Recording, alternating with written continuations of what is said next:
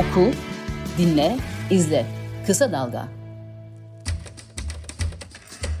Kısa Dalga'dan herkese merhaba. Yine Sedat Bozkurt ve ben Ayşe Yıldırım. Gündemi değerlendirmek için karşınızdayız. Ama bugün e, konuşurken sözlerimizin yanı sıra mimik ve jestlerimize de dikkat edeceğiz galiba Sedat. evet yani e, ya artık ama şurada yani hemen sen bir giriş yaptın galiba ben de gireyim. Evet. Ee, Recep Tayyip Erdoğan hep seninle de konuşurken söylemişimdir muhtemelen e, siyasetini devletle yapıyor. Devletin kurumlarıyla yapıyor. Bu kurumlardan bir tanesi RÜTÜK, hani bir tanesi yargı. İşte İmamoğlu kararda gördük uzun uzun da konuştuk. E, bir tanesi RÜTÜK, bir tanesi basın ilan kurumu kamu bankaları, Merkez Bankası kurumlarla yapıyor ve buradaki e, tek beklenti e, siyasi iktidarın, Erdoğan'ın çünkü siyasi iktidar da artık tek kişi. Hani şöyle bir cümle kuruyorlar, birazcık komik kaçıyor. E, sadece Erdoğan karşıtlığı yapıyorsunuz. Ama Erdoğan dediğiniz şey her şey. Yani evet. Yani sistemin Sistemi adı Erdoğan. ediyor zaten her şey dediğin tabii, gibi. Tabii sistemin adı o. Yani Rütük'teki insanlar bu cezayı niye veriyorlar? Yani vermelerinin nedeni Erdoğan. E, yargıdaki bu kararlar niye böyle çıkıyor? Geri nedeni Erdoğan. E şimdi biz kime karşı olacağız? E, en kolay Ayşe Yıldırım'a karşı olalım. Bunun bir anlamı yok yani. E, o nedenle söylüyorum. Yani Rütük, Rütük'teki bu abartarak, birazcık da fazla kasarak e, kararlar almaları kökeninde de bu yatıyor. Yani Rütük artık bir e, siyasi iktidarın net bir aparatıdır. Bugün değil aslında yani dün de böyleydi.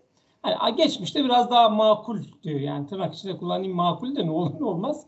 Ama şimdi iyicene e, çığırından çıkmış vaziyette yani bir mimikle bir, bir dönem sonra işte bu niyet okumasına kadar varır. E, ama e, buradaki niyetleri şey zaten yani olabildiğince baskılayabilmek yani yok etmek ortadan kaldırmak falan değil olabildiğince baskılamak. Kendileri dışında bir bilgilerin yani kendilerinin onayı dışında bir bilginin yayılmasını özellikle kendi tabanları tarafından o bilgiye ulaşılmasını hiç istemiyorlar. Bütün niyetleri bu. Ee, normal koşullarda gerçekten ideal, dört dörtlük işte senin yaşadığın memleketlerde dahil olmak üzere söylüyorum. Ee, evrensel ilkelerine uygun bir gazetecilik, habercilik, televizyon yayıncılığı falan yapacak olsalar ülkedeki medyanın %90'ı 95'i bunların elinde.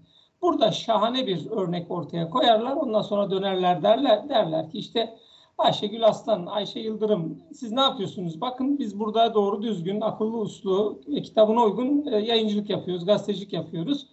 E, çıtanın altındasınız dediği zaman sen de mahcup olursun, ben de mahcup olurum, herkes mahcup olur. Böyle bir tablo var mı? Yok.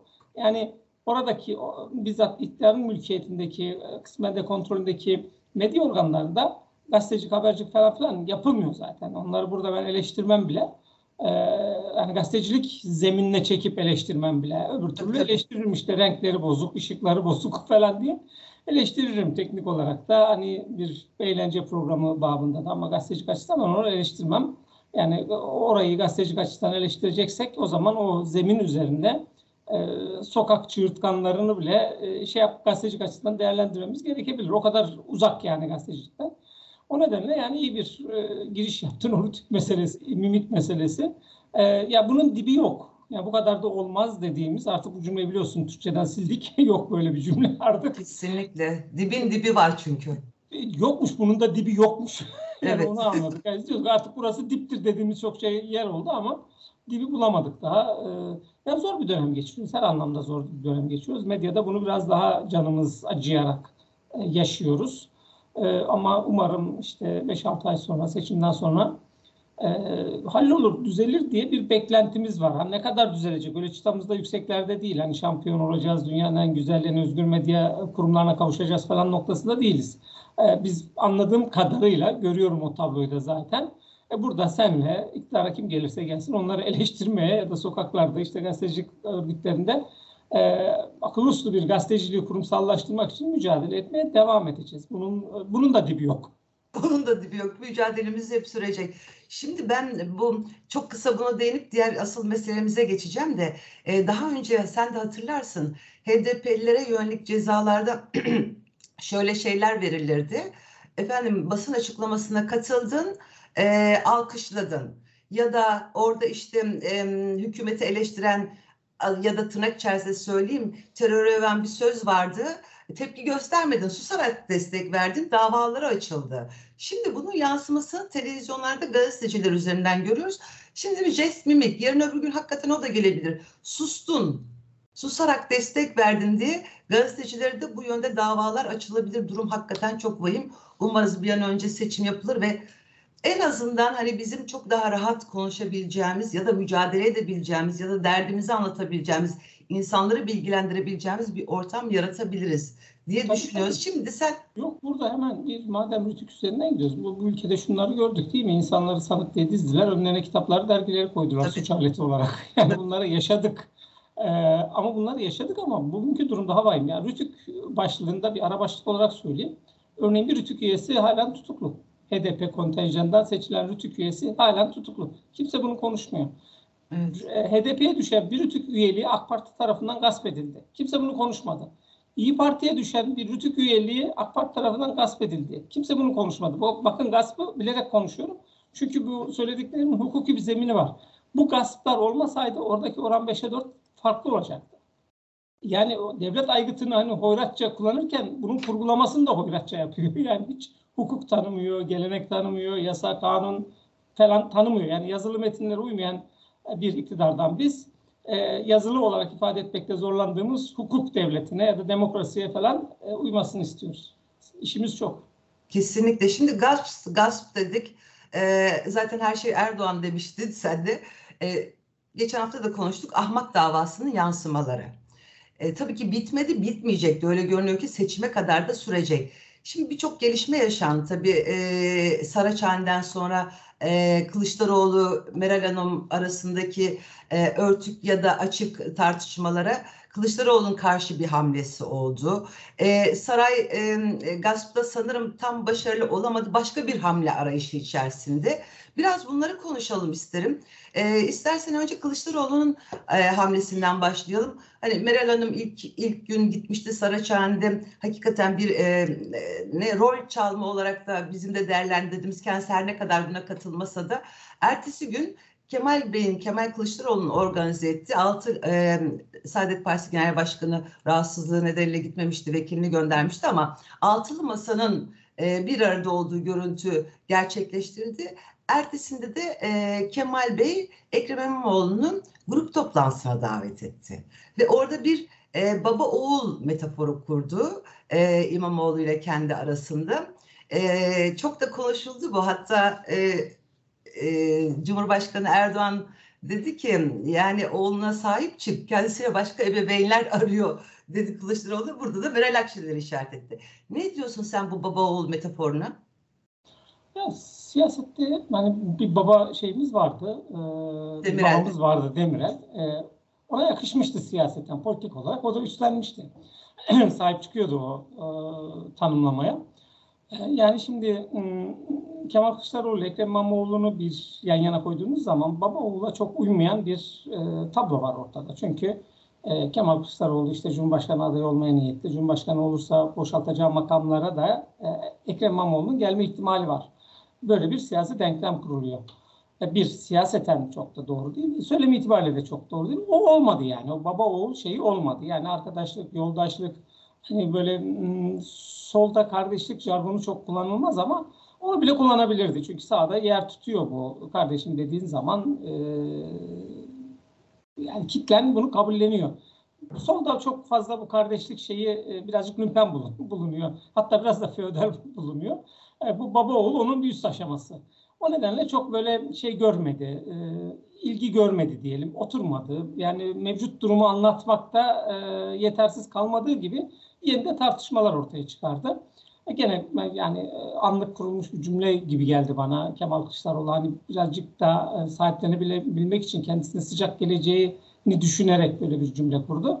Ama bir daha kurmazlar anladığım kadarıyla. Bir baba evlat şeyi çıkmaz oradan. Çünkü yani yarın öbür gün sizin boşalttığınız makama e, gelme niyeti olan birisiyle bir baba oğul e, hiyerarşisi kurduğunuz zaman siz e, bu e, bizim makarayı te Osmanlı'ya kadar sarmamıza neden olur. Babadan oğula geçen bir hüküm- hükümdarlık, bir iktidar, bir genel başkanlık şeyi. Hani çok sosyal demokrasiyi bırak, e, MHP'de bile olmadı bu. Yani Alparslan Türkeş'in oğluna vermediler o koltuğu. O kadar kolay öz oğluna vermediler bir de Evet. o koltuğu. Yani siyasette bu baba olsun. Yani kullanırken çok çok dikkat etmek lazım. Özellikle beraber yürüdüğünüz, beraber siyasi mücadele verdiğiniz yerler için. Bir şey söyleme gereği duydu. İşte çağırdı grup toplantısına. E Çünkü bir mağduriyet söz konusu. Haksızlığa uğramış bir e, siyasi figür. Oysa ki iki kere bir belediye başkanlığının önemli belediye başkanlığı kazanmış. Bir şekilde onur edilmesi lazımdı. E, Yalova Belediye Başkanı örneğin görevden alındığı zaman e, CHP grup toplantısını Yalova'da yapmıştı. Ama o zaman bir görevden alma söz konusuydu. E şimdi grup toplantısına davet etti. Yanına aldı. Konuşması da bekleniyordu. Konuşmadı. Oralarda bir şeyler oldu galiba. Konuşması ama, şart mıydı? Yani e, gerekiyor muydu ki grup toplantısında? Neden konuşuyorsun? Zaten Saraçhane'de konuşmuş iki gün üst üste. Tabii, tabii, tabii. yani konu konuşup hani bir şeyle sahip çıkması gerekiyordu. Partinin kurumsal kimliğine sahip çıkması gerekiyordu. Grup toplantısına çağırdı. E, ama olmuyor. Neden olmuyor? Şundan yani Kılıçdaroğlu ile Ekrem İmamoğlu arasında genel merkezde Ekrem İmamoğlu arasında bir sorun, bir sıkıntı var. O da bugüne ait değil. Hani nedenlerini uzun uzun konuşuruz gene. Ee, bu sorun böyle bu yöntemlerle aşılmıyor. Aşılamayacağı da görüldü. Artık bu sorunu belli bir e, mesafede, belli bir düzeyde, belli bir şiddette kontrol etmenin yolları bunlar. E, genel merkezde Ekrem İmamoğlu bunu kabullenmiş gözüküyor. Nitekim bu e, grup toplantısına katıldıktan sonra onun da kendisini bir rolantiye düşürdüğünü, vites büyütmek değil de kendisini rolantiye düşürdüğüne tanıklık yapıyoruz. En azından o gün bugündür e, sağda solda çok fazla konuşmuyor. İşte bir takım e, hani genel merkezi de aşan e, bir siyasi faaliyetlerin içine girmiyor. E, hani bu, bu sorun, bu sıkıntı ne kadar sürer? Yani tablo netleşti artık. Ekrem İmamoğlu'nun Cumhurbaşkanı adayı, aday adayı olarak o masaya, altılı masaya gelme ihtimali yok. Ortadan kalktı. Önüne hedef olarak bundan sonra koyabileceği tek şey CHP Genel Başkanlığı'dır. CHP Genel Başkanlığı'na oturmak için de e, en az e, yerel seçimleri kadar yani 2024'ün e, e, Mart'ına kadar beklemek zorunda kalacak. Çünkü o zamana kadar e, Kemal Kılıçdaroğlu muhtemelen parlamenter sisteme dönüş için bir yıllık bir takvim öngörülüyor en az. Hı hı. Genel başkanlık, CHP genel başkanlığı koltuğunda muhafaza edecektir. Tabii Cumhurbaşkanı adayı olup kazanması halinde. Çünkü bunların hepsi birer soru işareti olarak hem de kocaman soru işareti olarak duruyor. Ama e, Ekrem İmamoğlu parti içinde, parti tabanındaki gücünü tahkim etmek için de e, belediye başkanlığı bir yan iş halinde yapmaya devam edecek. Öyle gözüküyor. Yani Eğer görevden almazlarsa. Görevden almazlarsa tabii ikinci soruşturma, biraz tabii, sonra. ikinci soruşturma birazcık direkt orayı hedefliyor. E, çünkü İstanbul çok önemli. Yani hani sadece e, Ekrem İmamoğlu'nun politik kaygılarla aday yapılmadığı gibi bir eleştiriler ortalıkta duruyor. Doğrudur, yanlıştır o başka bir şey ama e, İstanbul'u almak için bu kadar çırpınan bir iktidar varken sen de vermemek için direnmelisin. Başkanlık için söylüyorum. Yani hani diyorlar İstanbul Büyükşehir Belediyesi mi önemli, Cumhurbaşkanlığı mı önemli? E, burada bir önem sıralaması yapamayacağınız derecede önemli. İktidarın bu kadar abandığına göre, bu kadar bir e, ciddi mesele olarak kavradığına göre sadece bu nedenden dolayı bile oradaki başkanlığı e, muhalefet bloğunun altılı masanın CHP'nin elinde tutması gerektiğine ilişkin de somut bir tablo ortaya çıktı.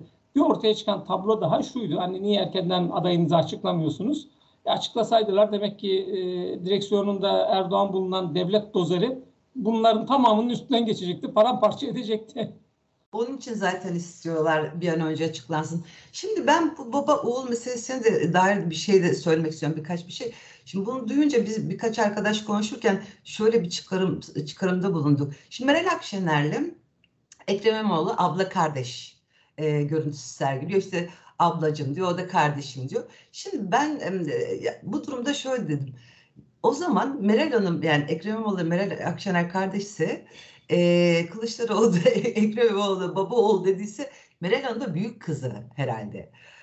Belki de böyle bir mesaj vermek istedi. Yani baba oğul derken ben hepinizin babasıyım. Bu masanın da son sözü söyleyen lideri benim demek istedi. Yoksa hani dediğin gibi hakikaten olmuyor. Solo baba oğul ilişkisi oturmuyor yani. Öyle bir mesaj verdi. Hani son söz bendedir. Hepinizi bak ben bir araya topladım. O senin kardeşin olabilir ama burada baba benim. Masanın sahibi benim. CHP Genel Başkanı da benim mesajını verdi diye düşünüyorum. O baba oğul metaforuyla. E, çünkü yani şeyden hani e, muhalefet muhalefetten demeyeyim de saraydan gelen tepkiler de aslında Kılıçdaroğlu ne demek istediğine yönelik bir şeydi. Yani doğru bir mesaj mesaj alınması gereken yere gitmiş diye düşünüyorum. Meral Hanım da hatta bu mesajı aldığını düşünüyorum. İşte Fox TV'de sabah konuşmasında da e, Kılıçdaroğlu'na yönelik hani sözlerinde çok e, ne diyelim sert bir mesaj yoktu. Biraz belki geçmişe yönelik e, alınganlık, sitem vardı. Hani zamanında ben de evin basıldığı zaman yalnız bırakılmıştım. İki gün sonra sadece Saadet Partisi Genel Başkanı beni aradı. Başka kimse aramadı. Bunu zaten birkaç gündür üst üste söylediği için geçmişe yönelik bir sitemle de e, karşı şeylerini, fikirlerini ya da cevaplarını veriyor ama mesajı bence hem İyi Parti Genel Başkanı aldı dediğim gibi Ekrem İmamoğlu da burada mesajı aldı. Peki e, gelelim ikinci meseleye. Şimdi bunun bir saray e, dar, e, saray darbesi deyince de suç oluyor muydu? Oradan da çünkü galiba telemire... Bunu test etmeyelim. Peki test etmeyelim. Şimdi sarayda piştiğini biliyoruz. Bugün İsmail Saymaz da yazmış. Hatta daha duruşmadan bir gün önce Ekrem İmamoğlu'na ceza verilen duruşmadan bir gün önce Beştepe'de e, e, Cumhurbaşkanı Erdoğan e, kurmaylarıyla bir toplantı yapmış ve ceza alırsa ne olur diye sormuş.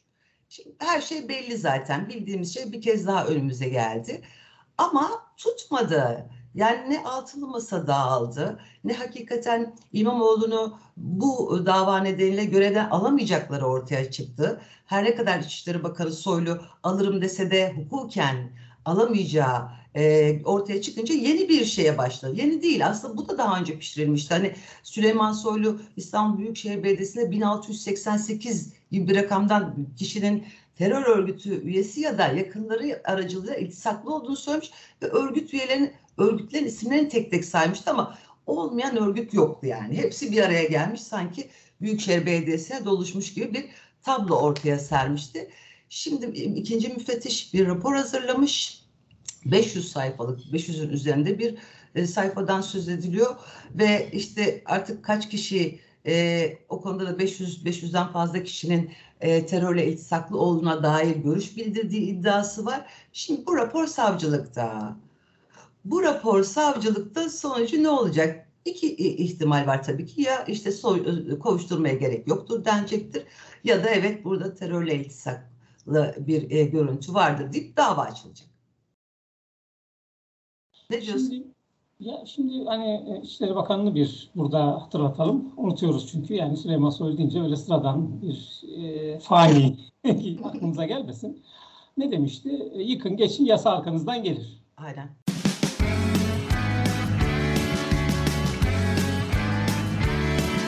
Kulağınız bizde olsun. Kısa Dalga Podcast.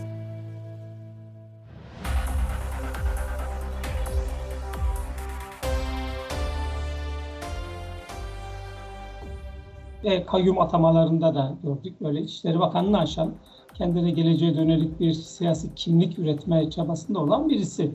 Ve e, yaptık, yaptık, yaptıkları nedeniyle hoşuna gitmesi gereken, memnun etmesi gereken iki tane de çok önemli siyasi figür var. Bir tanesi Devlet Bahçeli, bir tanesi Recep Tayyip Erdoğan. Bunların ikisinden memnun etmek çok kolay olmuyor. Ee, yani çok sıkıntılı bir durumda Süleyman Soylu. Acıyın diye anlatmıyorum bunları ama durumunu anlamanız için söylüyorum bunları. E, alır mı? Alır. Yani ne engel olabilir? Çünkü denetimsiz bir ülkeniz var sizin. Yani hukuk, yasa, anayasa, işte anayasanın 100. maddesi çok açık. İki kere seçilir diyor Cumhurbaşkanı ama üçüncü kere e, seçilemeye hazırlanıyor ve gerekçeleri de komik bir şekilde yani bütün anayasa hukukçularını komik buldu. Ama bir bir aralarında meclis başkanının da bulunduğu bir bazı anayasa hukukçularının da profesör akademik e, titleri de olan title'ları da olan e, isimler de diyor ki hayır e, sistem değişti bu ikinci kere seçim oluyor falan diye böyle hani e, dinlediğiniz zaman bu gerekçeyi duyduğunuz zaman yanıt bile veremiyorsunuz. Böyle boğazınıza geliyor bir şey e, tıkanıyor. Çünkü anayasanın e, her maddesi değişmedi, 2-3 maddesi değişti. 2-3 maddesi değiştiği zaman anayasanın tamamını değişmiş olarak kabul edeceksek o zaman e, değiştirilemez. Teklif dahi edilemez. Maddelerinden başlayalım. Yani Türkiye sosyal bir hukuk devleti, layık sosyal bir hukuk devleti değildir diyelim. Çünkü niye? E, sistem değişti. Böyle bir bakış açısı olabilir mi? Yani hukuk içinde hele böyle bir bakış yazılı metinler bağlar sizi sonuç itibariyle. Orada diyor ki 100. maddede açık seçik ki bu da yeni değiştirilmiş bir madde. E, iki kere seçilir diyor. İki kere seçildi mi seçildi bitti. Yani oradaki tabir teknik bir tabir. Geçici madde koysaydınız yeni sistemle iki kere değişti, seçilir. Ya da işte hmm, şu şu nedenlerle iki kere, üç kere, beş kere seçilir diye bir hüküm koysaydınız orada alınırdı. Oradaki ne diyor? İki kere seçilir. İki kere seçildi mi seçildi. E yani buradan başka bir şey çıkmaz artık. Ee, ama bu böyle bir tablo var. O yüzden hani Ekrem İmamoğlu'nun hakkında ikinci bir soruşturma, bu soruşturmanın e, selameti açısından görevden alma, yerine kayyum atama olur mu? Sen olmaz diyebiliyor musun? Hayır nasıl derim? Diyebilir miyiz? Kimse diyemez bunu. Ee, çünkü biz hani gazeteciler olarak birazcık diğer e, insanlara göre mesleğimizin bize sağladığı avantaj nedeniyle ileriye dönük bir e, öngörüde bulunabiliyorduk. Artık Evet. bitti bu iş. Yani hiçbir şey öngöremiyoruz. O yüzden gazeteci falan dedikleri zaman insanlar uzaklaşıyorlar. Ya siz nereden bileceksiniz falan diye. Haklı, haklı olarak. E, çünkü hayır öngö- öngöremiyorsunuz. Şimdi bak şu konu- konuştuğumuz şey bile normal koşullarda konuşmamamız gereken bir şey değil mi? Ama konuşuyoruz. Konuşmak zorundayız çünkü niye? Böyle bir olasılık var. Böyle bir memleketin önünde mesele var.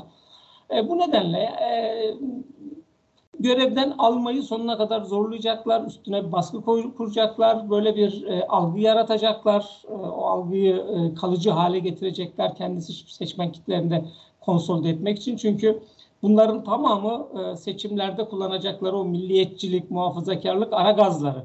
Daha bunun bir e, üst aşamalarına geçecekler. E, kendi kitlelerini konsolide etmek için, kendi kitlelerinin sağa sola kaçması için, kaçmasını önlemek için. Çünkü buradaki bütün çabası Süleyman Soylu'nun da e, tam gaz çalıştı. Mevcut olan seçmen kitlesini kaçırmamak, onları muhafaza etmek. Gidenlerin gelme ihtimalini çok görmüyorlar. O yüzden zaten enflasyonu böyle, enflasyon diyorum asgari ücreti böyle düşük e, tuttular. E, ekonomik nedenlerle gidenlerin ekonomik nedenler e, iyileştikten sonra döneceği gibi bir e, inançları vardı. Onu da kaybettikleri gibi tablo ortaya çıkıyor. Yani bu e, İstanbul Büyükşehir Belediyesi üzerinde e, daha da tepinecekler. Çünkü çok önemli. Niye Ankara'da tepinmiyorlar? Niye İzmir'de Evet. tepinmiyorlar? Antalya, Adana, Mersin bir sürü yer var. 11 tane büyük şehir var e, muhalefete ait. E, hiçbirinin üstünde bu kadar tepinmiyorlar. Bir Adana'da hafif bir yoklama çektiler. Mersin'de hafif bir yoklama çektiler. E, oralarda bıraktılar ama İstanbul üstünde bu kadar tepindiklerine göre İstanbul çok canlarını yakmış bir. Çünkü e, işte iki tane figür Canan Kaftancıoğlu, Ekrem İmamoğlu ikisi de siyasi yasaklı verdi bir anda. E, komedi gibi yani bir otursan sen bir e, senaryo yazsan ancak o senaryoda ifade edebileceğin meseleleri biz bugün yaşayarak görüyoruz. Ee, hani buradan ben çok fazla bir şey çıkma ihtimalini görenlerden değilim. Çünkü ne kadar zorlarlarsa zorlasınlar e, bu Erdoğan kazansa bile bu seçimi meşru olarak kazanmak zorunda. E, süreci de meşru olarak yürütmek zorunda. Çünkü e, muhataplarını anlatacak bu meşruiyet üzerinden bir öyküsünün olması lazım. Tabii onu da sandıktan alıyor zaten sadece. Ama orayı da şey yani çok böyle şaibeli bir e, seçimde oturmaması gerekiyor. Yoksa tek Rusya ile arkadaş olursunuz. O Türkiye'ye yetmiyor. Gördük yani denedik. O yüzden hala bir takım Avrupa'ya, işte AB'ye, Amerika'ya e, mektuplar yolluyoruz. Biz buradayız, e, sizin üyeniziz falan diye.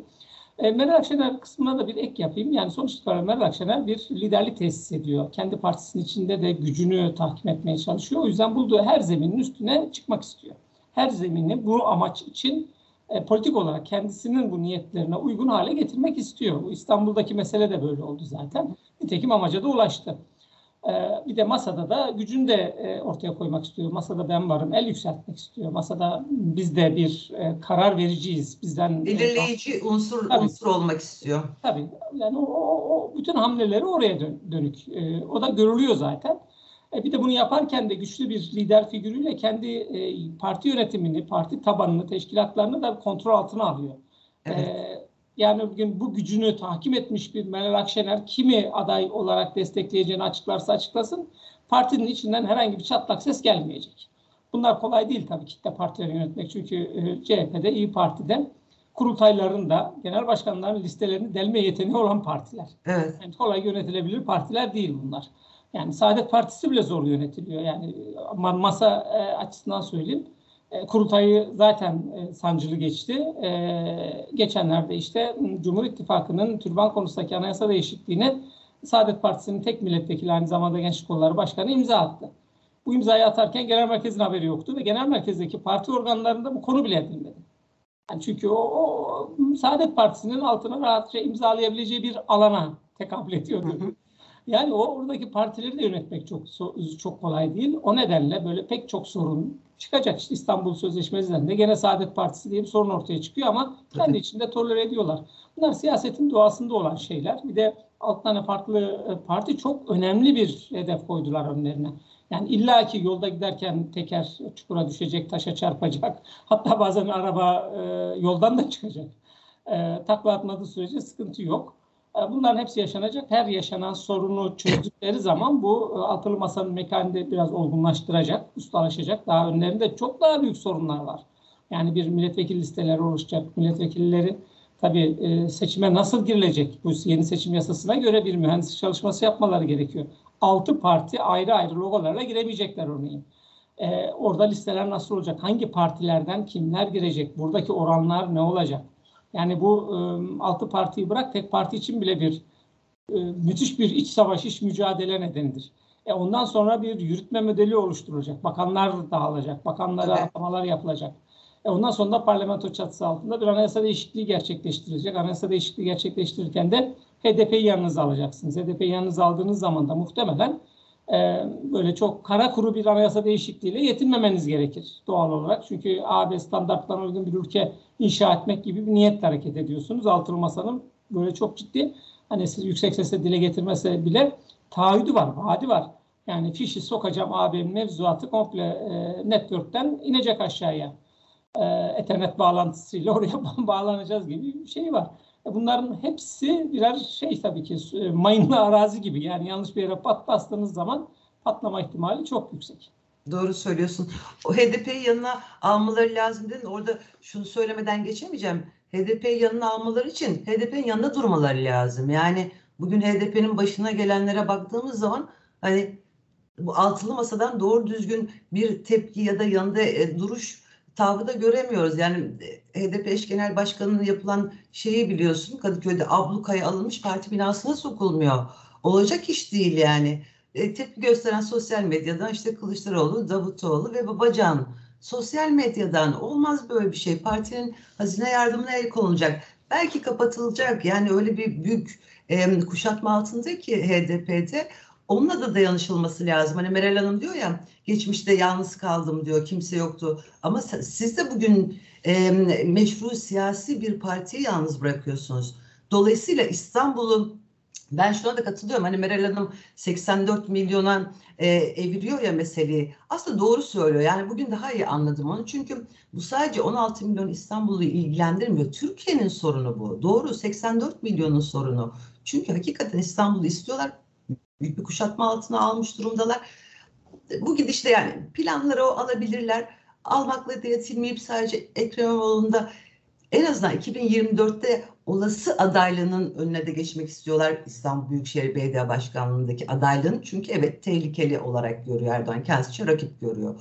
Ama kuşatma yani bu Türk sadece İstanbul'da değil tabii. E, bugüne dek e, kayyum atanmayan HDP'li belediye kalmadı. Oralarda da var aynı kuşatmalar. Dolayısıyla Meral Hanım o 84 milyon derken aslında keşke bütün hepsini içine alsa. O zaman HDP'yi de gerçekten bundan sonraki süreçte de yanlarına alırlar ve Cumhurbaşkanlığı seçiminde de e, alırlar. Aslında şunu da konuşmak isterdim. Çok zaman da kalmadı ama şimdi e, tabii çok konuşacağız da çok da tartışılacağız. Ekrem İmamoğlu'nun önü şu anda kapanmış görünüyor. E, Kılıçdaroğlu hala yüksek e, ihtimalli aday. E, Meral Hanım da diyor ki ya ben partimle konuşacağım tabii ki hakkıdır diyor ama partimle konuşup kararımı vereceğim. Ama şöyle bir e, senaryo da ortaya atılıyor. Eğer Kılıçdaroğlu'na hayır derse İyi Parti çoklu adayla seçime girilir. Ben bunu çok büyük tehlike ve kaos olarak e, değerlendiriyorum. Çünkü kimi aday gösterecek İyi Parti o zaman? İmamoğlu olmayacak. Yavaş mı olacak? Yavaş CHP'nin e, üyesi. CHP'den mi ayrılacak? Bu masanın dağılması anlamına gelir. Başka ellerinde güçlü bir aday yok şu anda. E, sürpriz bir isim çok zor görünüyor. Dolayısıyla bu e, hakikaten masayı dağıtması ve Türkiye'yi daha büyük bir kaosa sürükleyecek bir şey diye düşünüyorum. Çok zamanımız yok. Senin de bu konuda bir, bir Yani ben değerlendirme. bu, bu, bu, bu masanın varlık nedeni çatı aday. Ona yönelik çalışıyorlar. Yani bu işte yol haritası olarak tarif ettikleri mesele yürütme modeli tek aday üzerine. Ya da hükümet programı açıklayacaklar. Bir politik tutum belgesi açıklayacaklar. bu e, ortak adayın söylemini oluşturacak ve altı partinin kurmayları çalışıyor burada. Yani ortak bir aday çalışması yapılırken çoklu adayla ortaya çıkmak otomatikman masanın anlamsızlaşması demektir. Masanın ittifakının da dağılması demektir.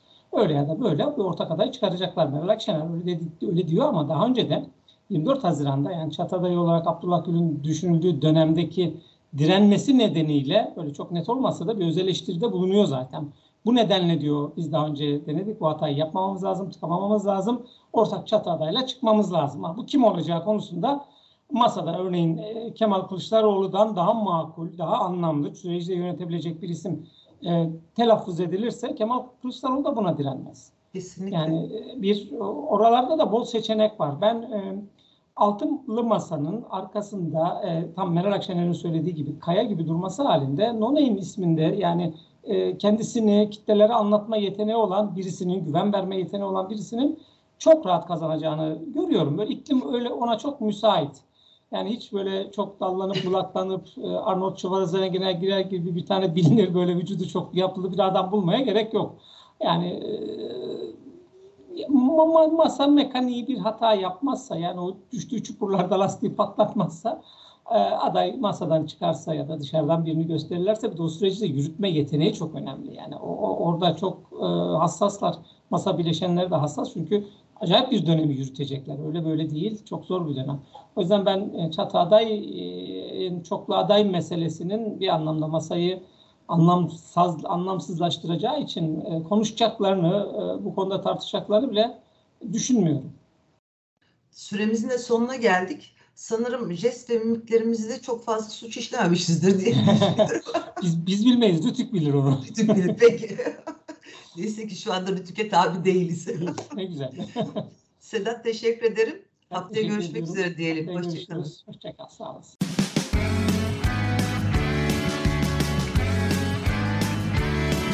Kulağınız bizde olsun. Kısa Dalga Podcast.